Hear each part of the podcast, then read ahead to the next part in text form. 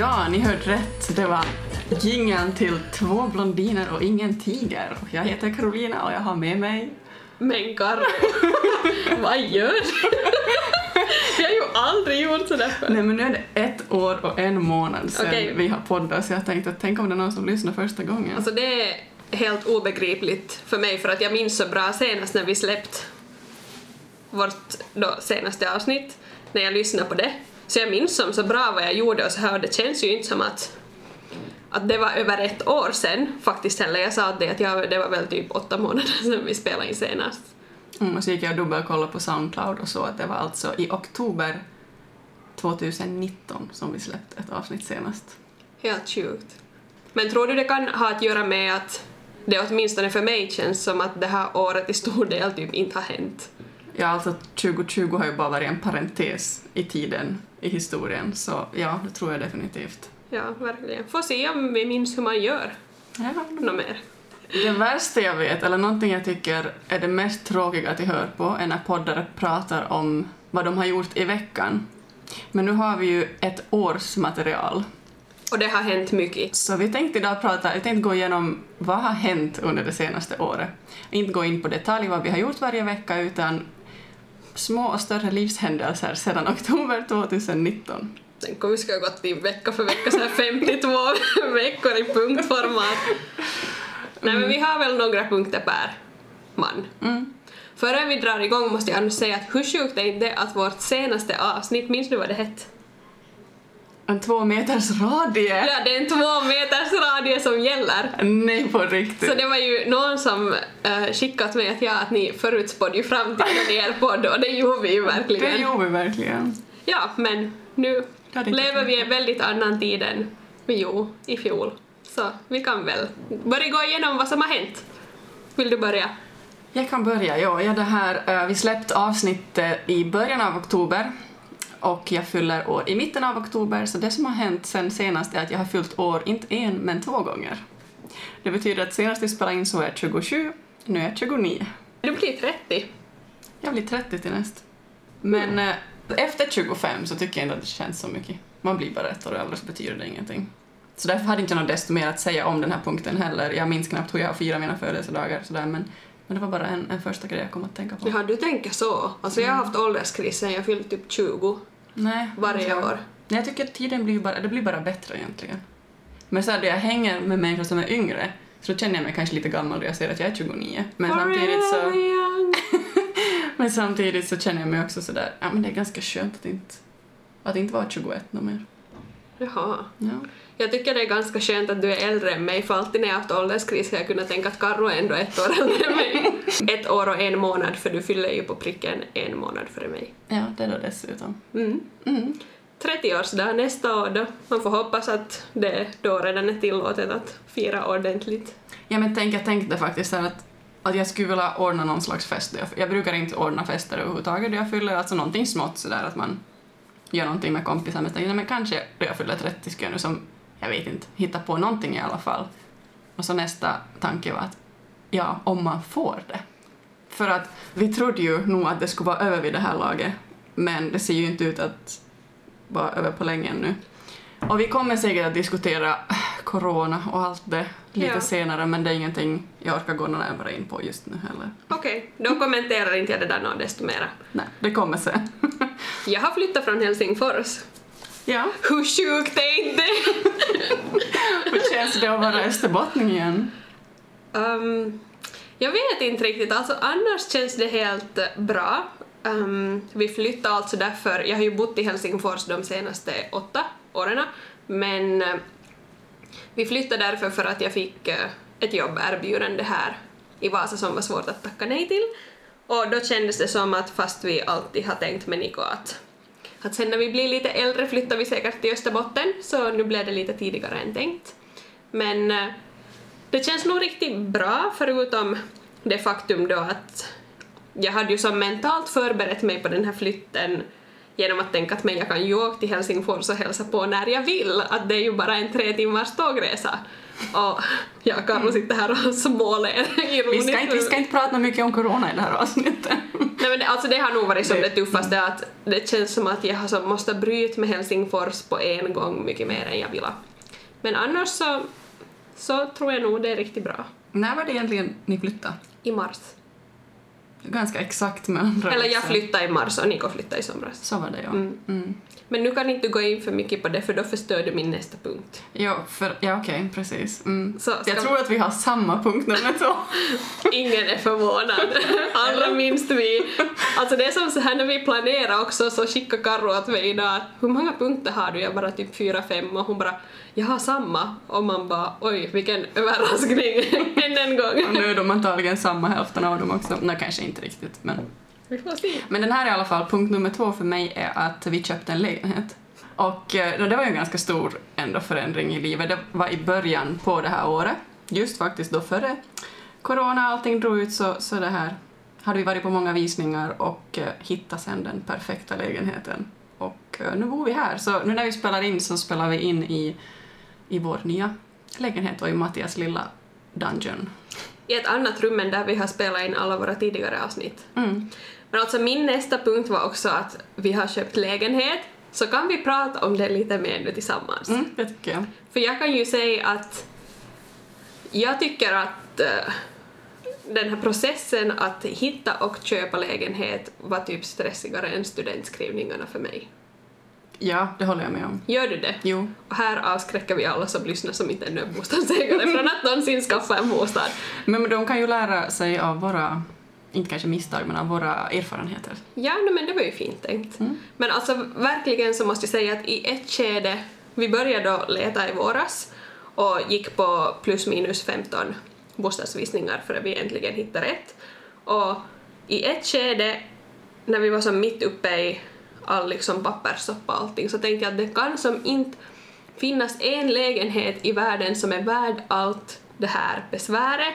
Att det här liksom kommer, vet du, förstöra mina känslor för den där lägenheten. Det var så mycket som kringelikrokar och som, att jag kände i ett skede som att jag nästan började hata den där lägenheten lite som jag visste att vi håller på att köpa för att det var så mycket besvär. Mm.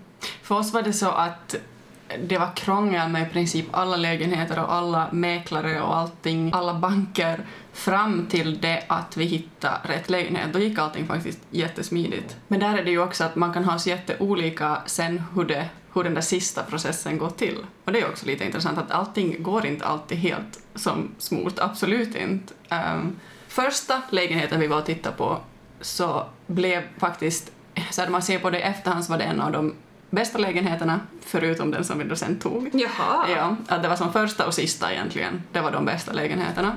Mm. Men mäklaren, den första mäklaren var den absolut värsta av dem alla. Så vi fick ju som en, en kalldusch riktigt från början att nej, är det det här vi ska börja hålla på med nu? Men sen så var alla andra mycket lugnare och sådär, men den där första var alltså riktigt som en parodi på en hemsk mäklare. Alltså mäklare är ju som nog de helt egen grupp människor har jag Ja. insett nu. Verkligen, och man fattar ju att de behöver göra vad de kan för att sälja, men oj, oj, oj, vilka fula S de kan ha. Men då måste vi också komma ihåg att de eh, under den här, ja nu inte kanske när ni då köpt och sökt men då när vi gjorde så var de ju kanske också extra pressade i och med corona och som hade extra stor säljstress på gång så att de kanske inte heller var sitt helt bästa jag under den tiden men det kan jag nog definitivt säga att vi träffar nog som på fler mäklare som vi inte gillar än mäklare som vi gillar. Mm. Och, ja. Ja, Men ni bor i en höghuslägenhet, mm. tre rum, ja, typ 75 kvadrat. ja, 76. På riktigt? Ja, Åh! och ni bor eh, lite större. Hela en kvadrat större. Vad är det sant? Inte det mera? Ja. Det känns större på något sätt. Ja. Men är det flera rum? Nej, Nej, inte heller. inte ens det. Det är kanske någonting med att det är radhus som gör att det känns på något sätt större. Eller jag vet inte. Ja, jag, bara, kanske. Ja, jag tror det. Det kändes lite som en risk i och med att vi alltid har bott i antingen höghus eller egnahemshus, att som köp en boendeform man inte har bott i tidigare. Mm. Att vi har alltid nog pratat om att vi skulle vilja köpa rad eller parhus men inte som har man ju vetat sen hur man på riktigt kommer trivas i ett sånt. Men vi har trivts jättebra um, båda två. Här måste jag bara inflyga att jag är som lite irriterad på det. Att alla bara frågar mig så här, men åh, hur trivs Nico? Jag bara, fan bryr sig ingen i hur jag trivs? Att jag har ju också som lämnat min stad som jag har bott i åtta år. Men nu kan jag meddela åt alla som inte har frågat, jag trivs riktigt bra, tack. Och Nico trivs också riktigt, riktigt bra och nu i slutändan så var ju nog den här lägenheten värd allt besvär, men jag skulle inte vilja göra om det inom någon snar framtid. Orkar du alls gå in på alla besvär eller sitter vi här tills imorgon då? Alltså, om jag väljer ut en av alla delar som krånglar, för det är ju just här, det finns ju som det var ju som budgivning och som när man var och kollade på lägenheten och sen med banken och som att skriva under och sen själva flytten. Det finns ju flera så här segment. Men om jag nu väljer ett segment som jag berättar så här kort då. Så när vi skulle få våra lånelöften från en bank, den banken vi valde till slut, så hon som skulle skicka våra lånelöften så skickade inte de den dagen hon hade lovat. Så nästa dag ringde jag och frågade att hej, var är våra lånelöften? Och då visade det sig att hon har blivit sjuk. Så det skulle komma in en annan person som skulle då sköta våra lånelöften åt oss. Men hoppsan, så blev han också sjuk. Och sen kom det in en tredje person som skulle sköta våra lånelöften. Men ojsan, då blev det problem med bankens datasystem. Så det gick inte. Um, så det som egentligen skulle räcka en dag att få våra lånelöften så blev ju en process på flera, flera dagar där man hela tiden måste ringa fram och tillbaka och som massa strul och sen sist och slutligen så var det den här första personen då som hade blivit sjuk som fixade dem men det var ju det då att man måste ju som hålla ut med det där budet och som att komma överens och allting och det, det var nog en så stressig vecka när man som bara väntar varje dag att när får vi det här? Och det där kan ju liksom, för oss så skulle det där ha gjort att inte vi skulle ha fått lägenheten. Ja, för att om jag, om jag berättar om hur det såg ut för oss så var det så att vi hade ett lånelöfte, men eh, lånelöfte håller ju i 30 dagar och vi hade varit och kollat på en hel del lägenheter då, men sen så, det var alltid någonting fel, det var någonting som inte stämde eller så var det någonting som dök upp att jaha, det här hade mäklaren glömt att säga eller något sånt. Så vi hade lite sådär, satt det på hyllan en stund så satt jag på jobbet en fredag eftermiddag och hade kaffepaus.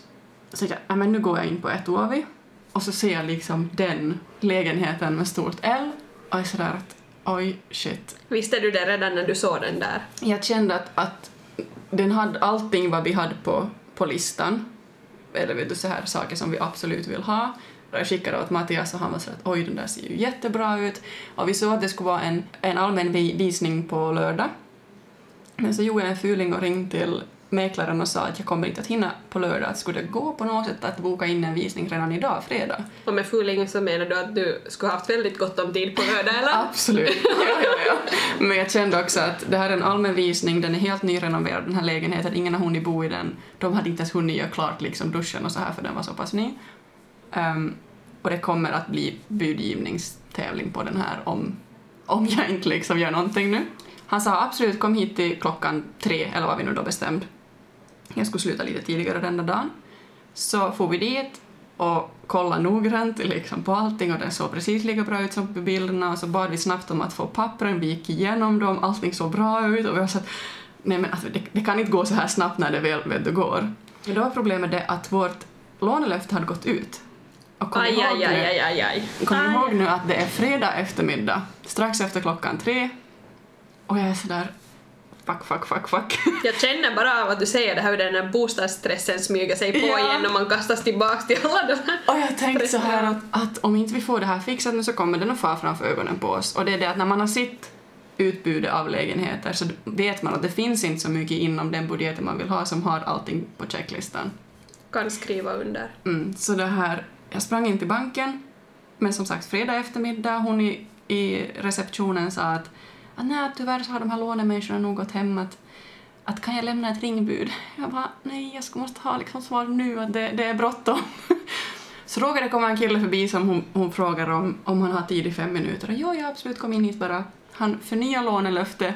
Jag dubbelkollar, du vet, med pappa, med mamma och Mattias ringer sina föräldrar och hans mommo och muffa och allting. Och alla är så här, om det känns rätt, lägg ett bud direkt. Så ringer vi, sätter ett bud och så får vi det godkänt. Och jag bara, jag tror vi just köpte en lägenhet. Så, så gick det till för oss och där om inte vi skulle, det var det jag menade med det här lånelöftet att sånt måste gå snabbt. Ja, alltså för oss var det ju tur att ingen annan ville ha vår lägenhet än vi, så vår budgivning såg ju väldigt annorlunda ut än er. Och det var som, den stod nog snällt där och väntade på oss under hela den där veckan när det där strulade på, men men ja, vi, alltså, vi känner nog också efter att ha letat leta i alla de där 15 lägenheterna då att det här var den som vi ville ha. Um, jag fick inte mitt gråa golv. Och det, det var ju en grej jag funderade på om det är en dealbreaker, att i mina ögon såg det ut som att någon har kackat på golvet där och spridit ut det med en mopp. Ett fint, ett fint trägolv tycker Ja. jag. Men, men, men nu när vi har alla möbler på plats och sådär så känns det också som nog riktigt bra. Och det är väl nog en lärdom man kan ta med sig att det är alltid någonting man måste tumma på. Att man kan inte få allt i hela världen.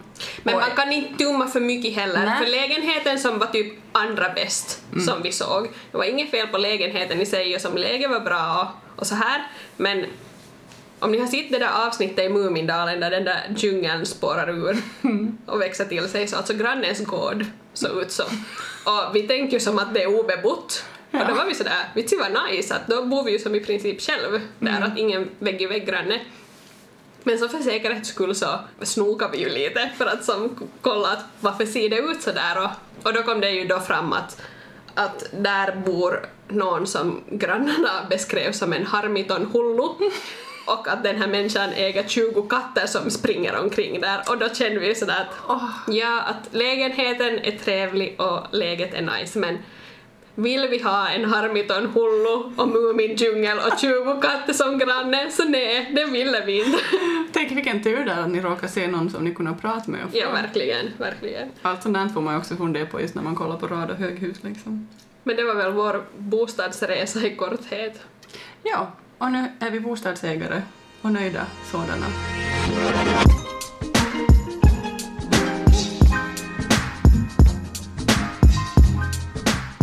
Ska vi gå in på mitt livs största trauma då? Ja. Det Inte är du lät som glatt inställd till det, man bara tack för att du tar det på allvar. Vad har varit ditt livs största trauma?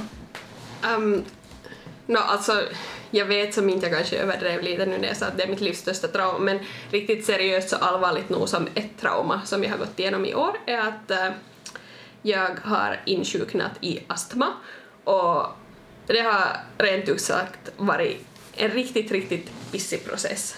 Det också. Jag tar tillbaks att bostadsprocessen var det stressigaste jag har gått igenom i mitt liv. Det var nog säkert den här liksom utredningsprocessen av vad jag har för fel. Men min eh, andning har krånglat jättemycket. Jag har varit på alla världens väldigt otrevliga undersökningar. Jag har fått hårda mediciner och eh, långa kurer och det har varit extra icke-trevligt i och med att coronaviruset härjar där ute nu och jag plötsligt hör till riskgruppen. Så bara för att alltså de flesta av mina punkter var så här ganska glada, eller Min nästa punkt är också lite ledsen. Eller Jaha, okej, ja det- precis. Det, måste vi få Ja. gå igenom det också. Men alltså det har varit ganska mycket skit i det här året också. Det, det här året är så kn- det är helt sjukt på det sättet att eh, det har hänt jätte, jättemånga dåliga och tunga saker i mitt liv men sen har det också hänt jättemånga stora och bra saker. Att jag vet inte riktigt hur jag ska förhålla mig till det här året om jag tycker att det är ett bra eller dåligt år men men det är nog min sanning av 2020 att till stor del så har jag spenderat det hos läkare och på utredningar. Um, men nu, nu känns det som att man så småningom börjar få bättre kontroll på det så det är ju positivt men definitivt kan jag säga att uh, astma känns ändå som en sån där diagnos när folk vet du sådär att men typ alla har astma. Eller? Vet du om du har astma så vad tänker du då? Nej, det är nog sant att man... Jag tror inte man kan föreställa sig vad astma är förrän man har haft det själv. Förrän man sitter på akuten med en syremask. Mm, precis. Speciellt en sådär liksom obehandlad astma förrän man får den i balans för det var ju mitt problem också. Jag kan nog säga att liksom att få sådana attacker när du inte kan andas ordentligt så det är jätte, jätteskrämmande. Alltså det är Och du hade ju dem ofta minns jag att du Ja. berättade. Alltså du, just att man inte ens kan gå ut och gå. Nej, alltså i, i början av det här året när det var som värst, i, jag skulle säga att ungefär i två månaders tid var jag som riktigt, riktigt, riktigt dålig och då fick Niko komma hämta mig från vår närbutik för att det var som för tungt för mig att gå hem därifrån. Så jag har faktiskt varit riktigt, riktigt dålig i ett skede i år. Um, och det är nog någonting som eh, kommer sådär prägla 2020. Säkert sådär i mitt minne för resten av livet, tror jag. Men din sorgliga punkt? No, min sorgliga punkt också, på tal om kontraster i livet, så några dagar efter att uh, vi hade köpt lägenheten så uh, dog min morfar. Och uh, morfar har liksom varit en av de absolut viktigaste människorna i mitt liv och uh, han blev över 90 år gammal och uh, vi har liksom haft kontakt och vi har träffats så ofta som bara möjligt och, och så här. Men att det var definitivt en grej som ja, också kommer att prägla mitt 2020 för det är första gången som jag har mist någon väldigt nära människa. Och det är ju väldigt lycklig för att inte det har behövt hända tidigare och just det för att han fick leva så länge. Men att definitivt någonting som jag kommer att minnas från det här året. Um, och det är ganska exakt ett år sedan nu som han liksom blev, vad ska man säga, han blev tröttare och blev intagen på sjukhus och jag var och hälsade på honom här i Vasa och sådär och sen gick allting ganska snabbt. Jag minns när du skickade åt mig att du är i lägenheten och packar upp flyttlådor och gråter. Aj, skrev jag så? Ja. Ja, ja, det var faktiskt så att det var så mitt i flytten och så minns jag att vi hade lånat en skåpbil, en av Mattias kompisar kom liksom med och, och de for då körande med, med lådorna där jag lämnade och packade i lägenheten och det var liksom sådär att grät och packa, grät och packa, grät och packa. Men jag vet inte, jag, som, jag har väldigt sådär nära till känslor och jag sörjde ut allting direkt. Och jag sörjde, alltså man kan ju vara ledsen fortfarande men liksom att jag det, det kom som en, en flod då direkt Ja. för mig. Så det, det här. Och det är en jättemärklig känsla när liksom sorg och glädje krockar på det där mm, sättet. Ja. Men kände du som att sorgen då tog övertag, att du som inte kunde vara glad över ert lägenhetsköp där då, utan att det har kommit nu i efterhand? Mm, på ett sätt, jo, åtminstone några alltså dagar, de första dagarna så kändes ju allting bara helt onödigt, liksom att vad är det för vits med livet typ? Och jag fick en riktigt så här existentiell kris faktiskt i några dagar för att det var sådär att vad är det för vits? Och det här är säkert klyschigt, men vad är det för vits att vi ska leva på den här planeten, älska människor så mycket att vi sen typ själv nästan dör när den personen går bort. Att det kändes bara så att nej men vad är det för vits med det här? Men Nu blev hela jag en ångest. Ja, men, men som tur så släpper de känslorna och så accepterar man och så förstår man. Men, men att det var jag inte helt beredd på faktiskt. Alltså jag har ju också i år Oj gud, alltså nu känns det här som att jag på något sätt... Det, det känns som att det här är nästan är okej att säga, men, men min katt dog ju Det får man säga, det är också en i somras. familjemedlem. Och alltså, det var i princip första gången i mitt liv som jag har måste handskas nå desto mer med döden för att ingen av mina nära hade dött då som den hade ju ändå varit med oss i 14 år och det kändes också som jättekonstigt att första gången inse så här att okej, att någon som har varit här som så länge som man kan minnas, som plötsligt bara inte är Mm. där, att då ännu när jag vet ju hur nära du var med din muffa, att liksom min relation till min katt kan ju inte jämföras med er relation och ändå låg jag som och grät i två dygn som om någon skulle just ha öppnat en kran. Så- Jo, jo, men det är ju en familjemedlem det också. Och det var ju också lite, alltså inte roligt, men det var lite intressant att det hände väl också precis när ni hade Ja. köpt lägenhet. Verkligen. Så vi hade såna Samma. samma toppar och dalar som vi gick igenom på samma, i samma så här skede av livet. Alltså jag, hann, jag minns att som på fredag kväll så var vi ute och åkt båt och hade just fått veta att vårt bud har blivit accepterat och jag klättrade som fram dit till båtens etunokka och satt som där och tjoa som riktigt högt och sen dagen efter så låg jag som och störtgröt i sängen för att för att scrollen hade dött så Ja. Det är, för, det är för jävligt det här livet. Man känner att man är människa då man har så mycket känslor på en och samma gång. Men det är väl det som är det fina här i livet också, jag vet inte. Men sådana där gånger så känner man nog att vad, vad, vad är det för vits? Men, men visst blir man starkare av det också på något sätt. Antar jag. kanske i längden, Mm. sällan i stunden. Ja, exakt. Mm. Okej, jag tror du Daniela får ta nästa punkt. Mm.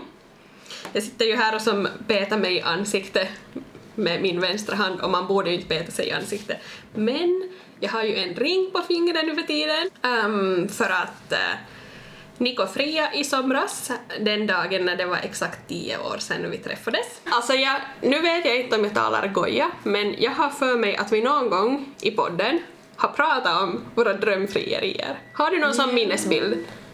Det kanske vi har gjort. För jag har försökt leta i våra gamla avsnitt, jag hittar inte det, men jag har en så tydlig minnesbild av att jag någon gång har sagt i podden att mitt drömfrieri är maffigt.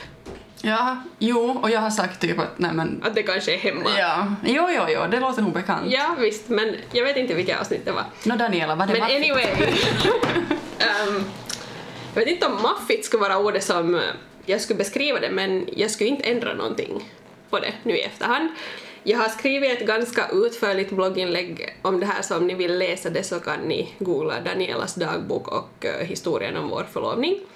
Men eh, det känns väldigt bra och väldigt rätt. Och jag har förvånat mig själv på det sättet att jag har ju alltid tänkt att när jag förlovar mig så kommer jag att bära ringen runt halsen i ett halsband för att jag tycker det är obehagligt att ha någonting på händerna. Men nu känns det nog som att det är där den hör hemma. Jag vill ju inte ta av den. Men det är ju, då är det någonting rätt i alla fall. Ja, alltså verkligen. För att jag, jag tänkte att, nej, men, att det måste ju som vara jätteohygieniskt att ha på den hela tiden så att jag tog ju som av den då för att som tvätta både ringen och fingret ordentligt en kväll och jag började typ sakna den på det sättet men gud vad jag är pinsam.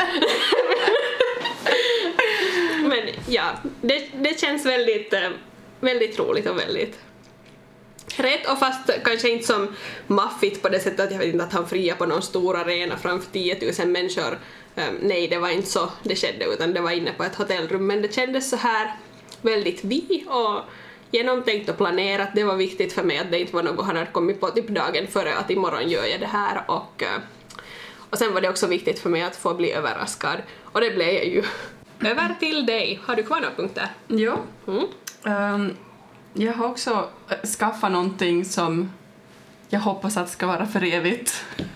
Eh, inte en, men två tatueringar. Jag minns att vi i något avsnitt pratade om just det här att jag, jag skulle vilja ha en tatuering och så pratade jag någonting om att jag skulle vilja skaffa en hund. Det har vi inte gjort. Det var vårt senaste avsnitt. Det var det kanske, ja. Mm. Hunden har vi inte skaffat. Ehm, vi bor på sjätte våningen så jag tänker att det är inte riktigt valpoptimalt just nu åtminstone. Men tatueringar, ja, har jag skaffat två stycken. Och jag har eh, kanske en tredje och en fjärde som jag planerar också. Vill du berätta mer om de här två som du redan har? Eh, den första tog jag i november förra året, alltså ganska exakt ett år sedan då. Det är riktigt klyschigt, det är blommor. Men eh, det är sån här... Det tycker jag inte alls är klyschigt. Nej men det är ju nog som kanske världens mest vanliga tatuering men det gör ingenting. Jag Nej, men ha det som- måste väl ändå vara kinesiska tecken? Nu tror jag att blommor är vanligare. Men det spelar väl ingen roll, så här, för jag bad min tatuerare, jag, gav, jag sa några olika blomsorter och så sa jag skapa liksom en egen tatuering av det här. Eh, och så gjorde hon det och så passade hon den till min arm och sådär så att den skulle som bli gjord just för mig och jag älskar den, jag är så nöjd med den. Det är alltså blommor som från eh, gården hemma i, i Jakobstad och så är det lite från såna här, du vet, österbottniska sommarängar. Vriden runt det här armvecket, heter det så? Mm. Mm. Och jag som är väldigt så här tatueringsmotståndare måste väl ändå säga att jag tycker det är som väldigt fin.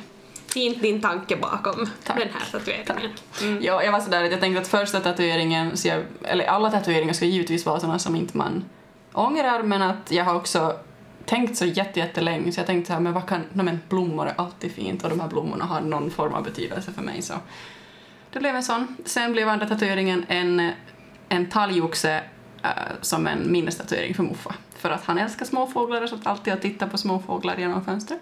Och det Och passar är ju då ihop. väldigt fint. Ja, det passar ihop med de där blommorna då, så att det blir som en liten sån här. Det kanske blir en någon dag, vem vet, men nu sitter de där. Jag kommer inte att ha en sleeve någon dag. Vi se vet vi det också. först.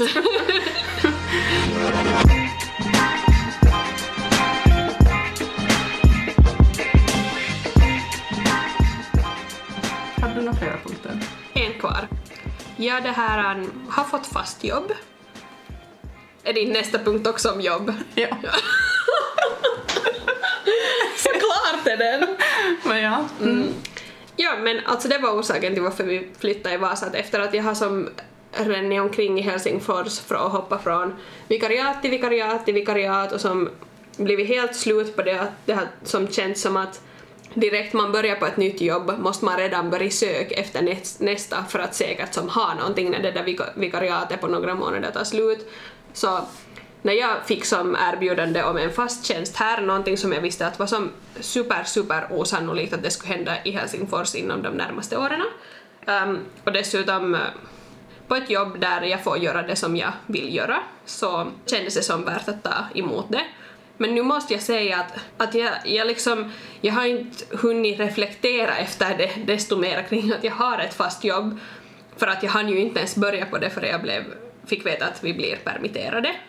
Mm. Um, alltså det var som i mitten av mars mm. som jag skulle börja på det här jobbet, så det var ju mitt där innan det när allt spår började spåra ur. Och efter det så var vi alla på mitt jobb permitterade i 90 dagar. Permitterade till 80 procent dock, så vi jobbar ju som en del, men ändå.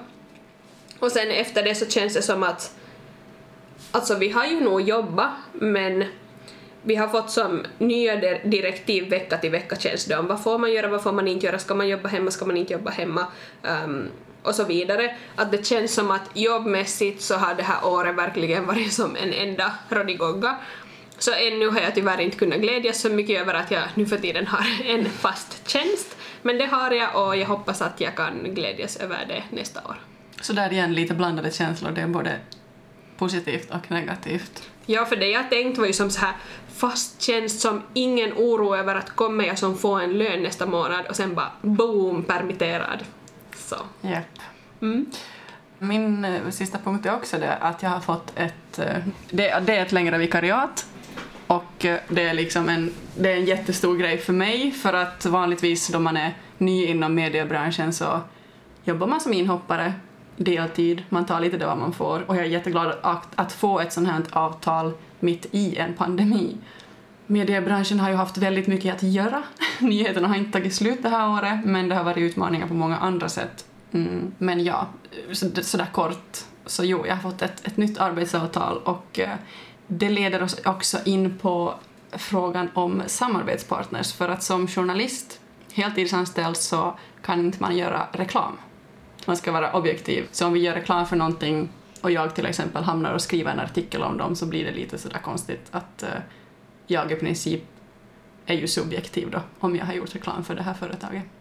Och det är ju här som det har blivit lite så här knivigt för oss när vi bestämde i somras att vi ska ta upp podden igen och jag var ju som glatt och tjöt ut om det här redan. Det är därför det har dragit ut på tiden nu uh, igen att vi har funderat, ska vi som börja podda eller ska vi inte börja podda? För att å ena sidan så har vi ju som tyckt att det har varit jätteroligt att podda och om man nu får säga det själv så har det ju som gått bra också. Mm. Eller det har ju som verkat som att ni har velat höra på oss och vi har velat prata för er. Så på det sättet har det varit väldigt roligt, men sen vill man ju inte heller så här downgrada, att podden var ju ändå på det sättet någonting som vi kaninöron blev vana att få betalt för att göra i och med att vi hade samarbetspartners och då känns det kanske som ändå som någonting att måste fundera på att vill vi som börja göra det gratis mm. då? Speciellt eftersom man själv också har utgifter då man poddar. Alltså det ja, kostar så... ju liksom att podda, att ja, det... lägga ut det här och där och så vidare. Det är säkert många som lyssnar på poddar inte tänker på att, att just att ha poddar på sådana ställen där ni kan lyssna på dem, så det kostar att ha dem där. Så nu i princip så istället för att vi får betalt för att podda så betalar vi för att podda. Precis. Men, Men vad har vi kommit fram till? Ja, då har vi ändå kommit fram till det att vi liksom tycker att det är så roligt att podda, att vi ändå vill göra det, till och med fast vi betalar för att podda i princip. Så vi, vi tänkte att det kommer inte att bli något mer så här som det var i början, att vi släpper ett avsnitt varje måndag eller när vi nu släppt. Och knappast att bli någon så här regelbunden grej något mer, men vi har några som teman vi gärna skulle banda in avsnitt om och känner väl att om det någon gång dyker upp något sån här roliga aktuella teman som vi vill prata om så kommer vi att göra det. Och sen förstås måste vi ju också följa med det att finns det ännu ett intresse för vår podd? Eller jag vet inte hur du känner men speciellt nu när det är som klart att vi kommer inte mera få betalt för den här podden, att den kan inte på det sättet leda till någonting. Så om vi då också märker att okej, okay, folk vill inte alls lyssna på oss i samma grad något mer, så då känns det kanske som att den sista moroten försvinner och då kan det hända att, eh, att vi som låter det vara. Om det rinner ut i sanden så blir det ju antagligen ifall det skulle hända, men nu har vi ju nog en så bra podd att vi kommer att få lyssna. ja, tänker så. nej, jag ska, nej, men jag håller helt med att, att vi, vill ändå släppa det här avsnittet nu och se hur det tas emot och så ser vi helt enkelt vad som händer sen. Men att det är ju alltid det är roligt att podda och det har varit roligt att få så mycket respons för podden och det är helt sjukt att det är över ett år sedan senast men... Det är men ja. helt sjukt. Mm, helt sjukt. Men, men ändå så här, jag tycker det är bäst att vara väldigt transparent och speciellt i sociala medier där folk ganska sällan är det och som att jag tycker det kändes bra att vi kunde förklara att va- varför det har dröjt och varför framtiden är lite oviss. Och ändå därför, för jag började fundera att, att när vi meddelar ju inte senast vi poddade att nu blir det som en lång paus, att fundera månne folk att vi vet du, har kört ett tydligt så här poddavslut som det verkar ha blivit för flera, speciellt så här svenska influencerpoddare, att de har haft en podd en lång tid och som verkar vara så bra kompisar och det har gått så bra, varit som så kul. Sen slutar podden och de är som inte vänner något mer och slutar häng. Alltså det är ju jättemånga det har hänt, hänt för. Jag vet inte, du kanske inte lyssnar så mycket på Nej, dem. jag gör faktiskt inte, men jag kan tänka mig det, ja. Mm. Men om jag nu ska namedroppa lite här så jag menar Alice och Bianca. Är de inte kompisar de mer då? När de hade en ganska lång period nu när de slutade podden är de som inte hängde Ja, okej. mer. Att bara podden och de bara slutade sådär plötsligt tjopp. Och då hade man ju ändå tänkt som att de är typ bästa kompisar och, Mm. och som att det gick jättebra för deras podd, så lite chock. Um, Hanna Licious och Dasha, vet du vem någon av dem är? Jag vet vem Hanna Licious är. Jaha, okej, det var ändå otippat. men, men ja, kanske någon av er som lyssnar vet. Och sen har jag också märkt att eh, Klara Elfgren och Fanny Lyckman hade ju en podd oss emellan. Jaha. Du vet inte vem de är. Det låter ju lite bekant kanske, Ja. men... äh, Men den slutade också plötsligt och jag har inte sett en enda gång på sociala medier de skulle ha hängt sen dess och så här. Och det är ju jätteirriterande också då folk bara slutar utan att säga någonting och det var ju inte riktigt vår mening men vi är fortfarande vänner och vi hänger fortfarande. Och sorry för att vi var irriterande, alltså verkligen. Jag, jag hatar också när folk som lovar att något ska hända och sen händer det inte. Så det var inte min mening att som skriva ut att snart börjar vi igen, snart börjar vi igen och sen bara händer ingenting. Men vi kände kanske att vi ville som diskutera det tillsammans att vad ska vi komma fram till istället för att jag skulle som typ börja skriva ett blogginlägg då att nu är det så här att Karo får inte göra samarbeten mer. Ja, och då var det ju det också före det. Det var ju inte bara det utan jag minns att vi hade pratat om någon gång i mars att kanske spela in men så kom ju Corona. corona. Och då var det så att nej okej vi ska nog liksom minska på alla sociala kontakter vi bara kan. Eh, så, så därför sköt vi upp det. Och sen kom det här med det här nya avtalet och det, var, det har liksom alltid varit någonting som har skjutit på det. Verkligen, alltså i våras så kändes det ju som så här när eh, jag just hade börjat höra till riskgruppen och min andning var helt som åt skogen, att då började sitta som och prata in i en och samma mikrofon tillsammans kändes kanske inte så smart men sen blev min andning bättre och coronaläget lugnade sig och det kändes som att nu kan vi köra igång men sen kom det här upp. Mm. Men nu vet ni vad det är som har tagit tid och nu vet ni hur det ligger till. Eh, Och nu ska ni alltså lyssna så saken om ni vill att vi ska fortsätta.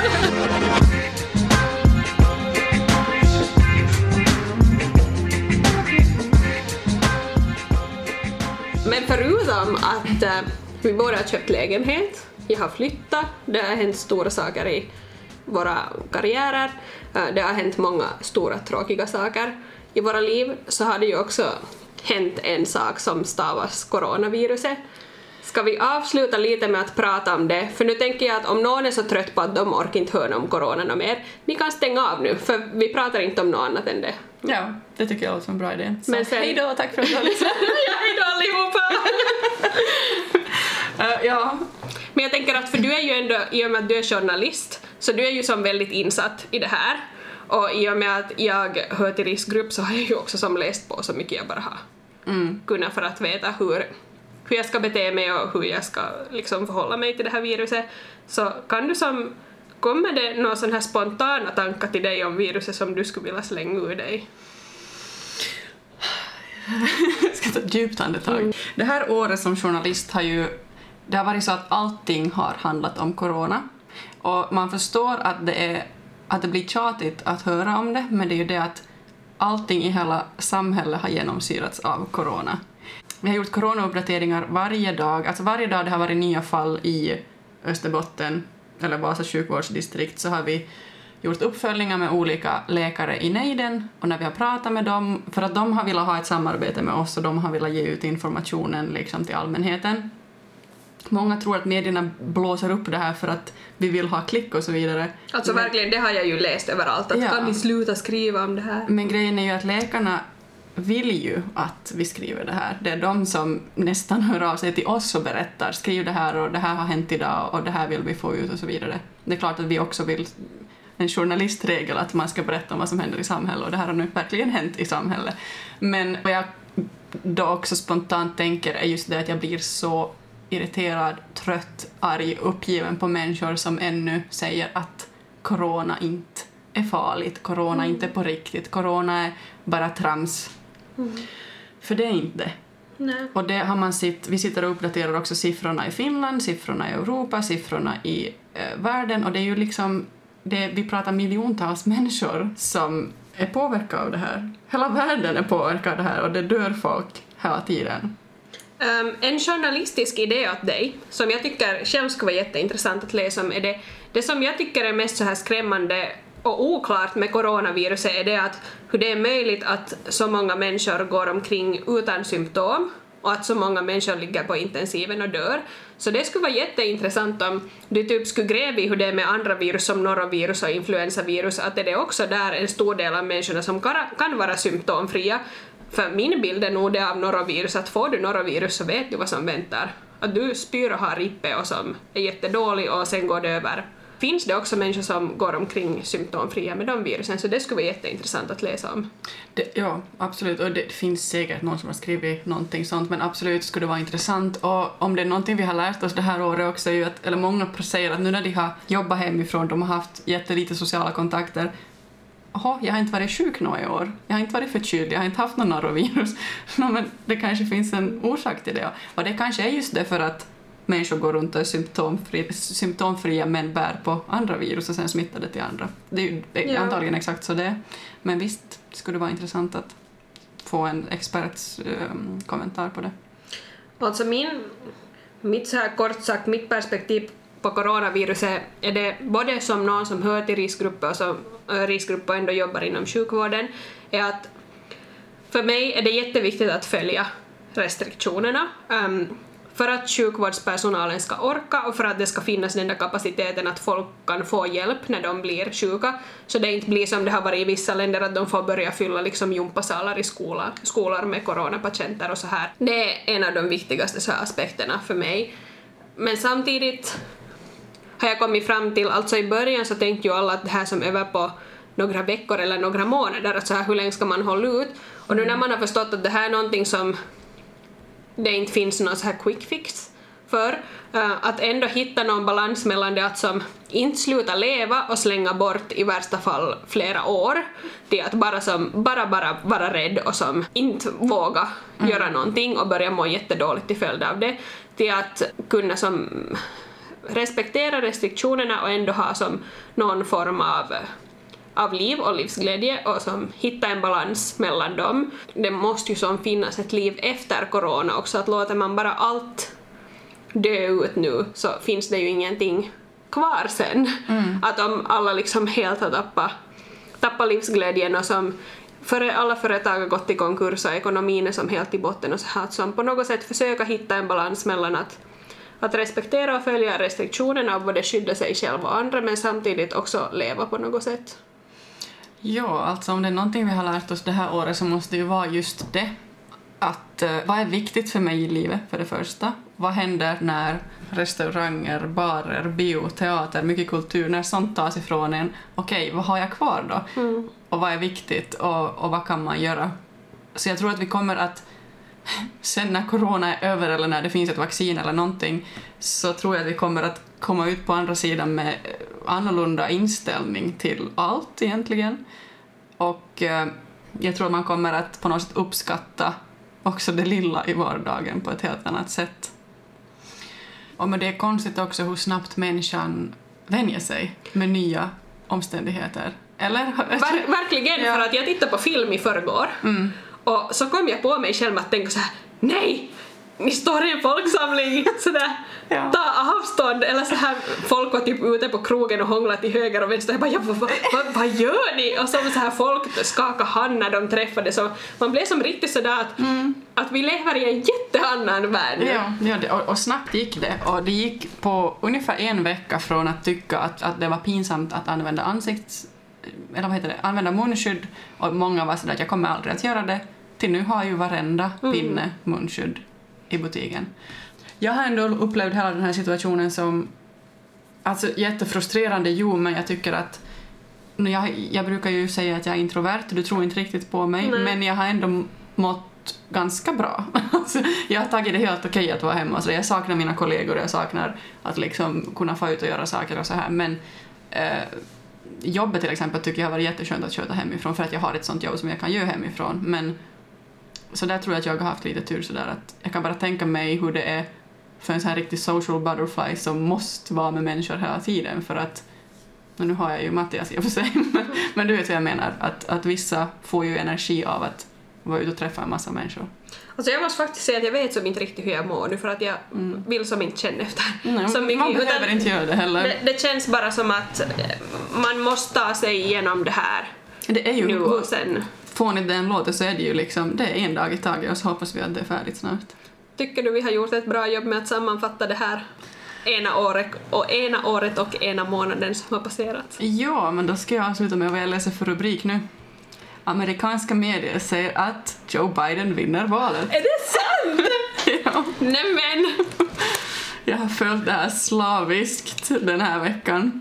Jag jobbar till och med ett nattskift också, men efter det så har jag suttit liksom och... Ja, 273 mot 213. Och vad har vi att säga om det? Och det var vår summering av det senaste året och den ena månaden som har passerat. Och nu tycker jag att vi avslutar med det vi inte lyckades i början. Du har lyssnat på Två blondiner och ingen tiger. Jag är Daniela Skoglund. Och jag är Carolina Osmus. Ah, vi fick till det! Hej då! Hej då!